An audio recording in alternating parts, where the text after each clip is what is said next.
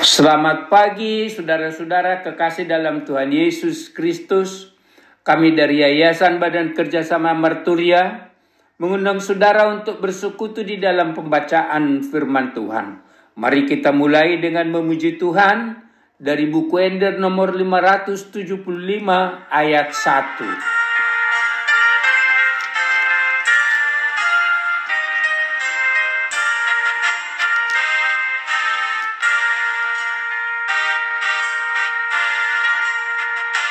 Ujima debatana sokal pasanga maborna. Ujima akarura dohotlu akadolok na timbo dohot hasak ni galumbang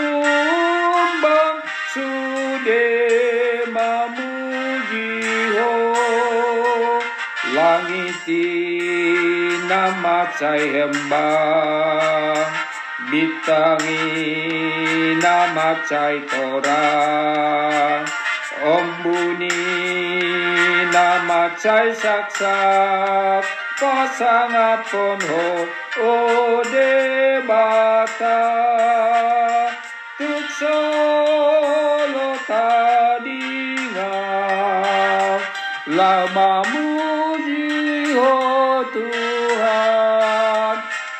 nasa gogo baheno ku lapasangapon ho Rodi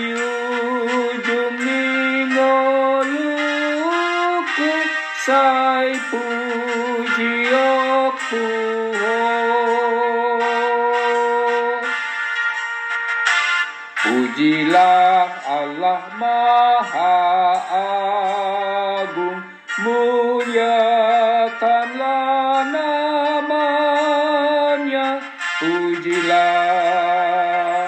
Wahai bukit dan lembah serta gunung yang megah serta ombak laut samudra nyanyikan namanya.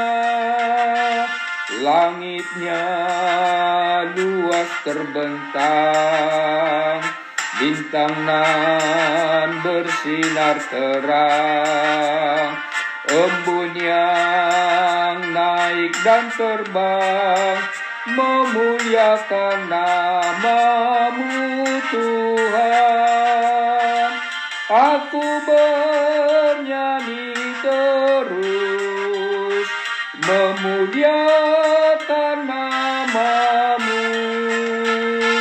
dengan segenap hatiku memuji namamu. Hingga Tuhan memanggilku ku puji namamu.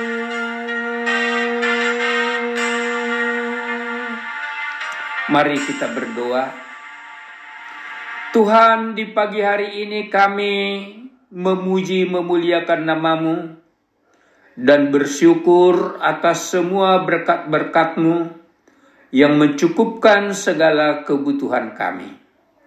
Kami mau membaca dan merenungkan firman-Mu.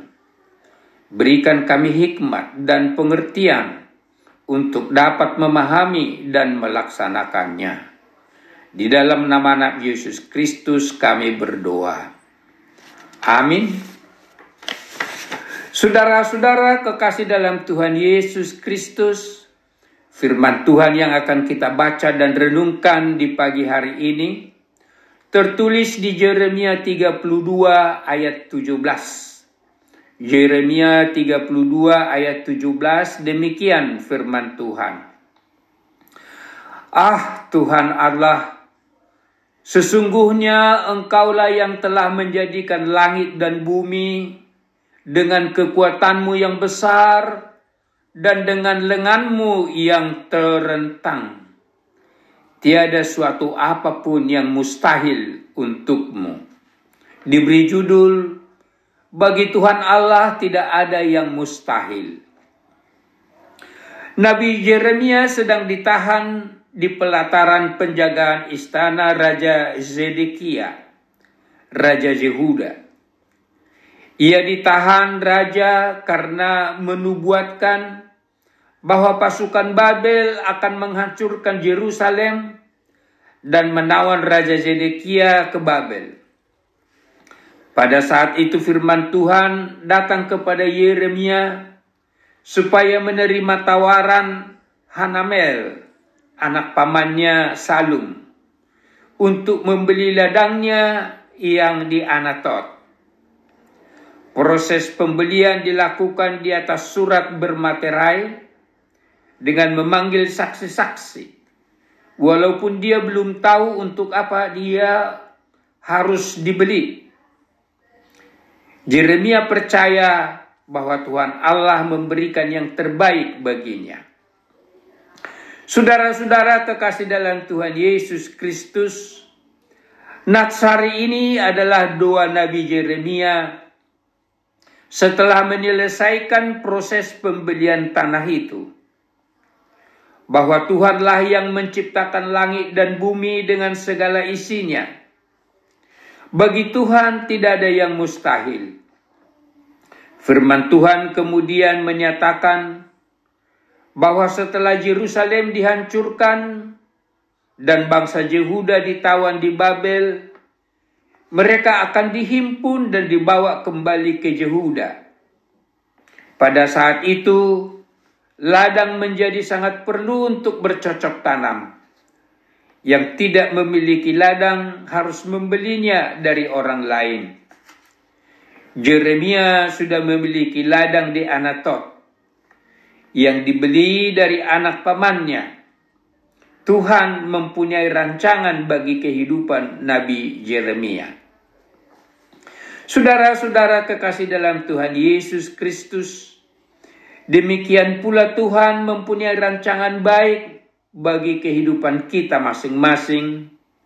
Sebagaimana Tuhan sendiri mengatakan, Aku mengetahui rancangan yang ada padaku mengenai kamu, yaitu rancangan damai sejahtera dan bukan rancangan kecelakaan, untuk memberikan kepadamu hari depan yang penuh pengharapan.